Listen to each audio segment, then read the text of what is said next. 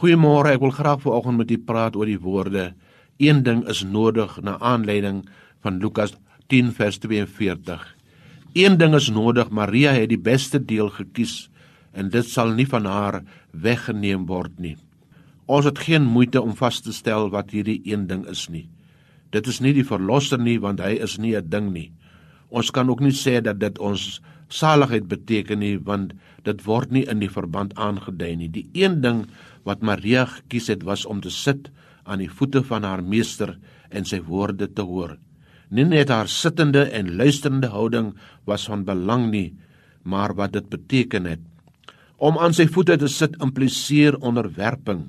So iemand weerstaan nie meer sy mag nie, rebelleer nie meer nie, maar het hom volkome aan die Here oorgegee en erken hom as koning om aan sy voete te sit, hou verder in dat daar geloof is. Maria het geglo wat Jesus gesê het en het gesit en geleer om geleer te word. Dit is volstrek nodig om geloof in die Here te hê in sy plaansvervangende sterwe, sy opstanding en sy mag oor hemel en aarde. Ons behoort staat te maak op hom want hy is ons hoop, ons heil en ons alles en almal. As ons ons onderwerp aan het aan hom en in hom glo, moet ons sy disippels word. Ons word dan leerlinge in die skool van Christus en moet gewillig wees om die leringe in dade te omskep. Om aan sy voete te sit beteken ook om diensbaar te wees.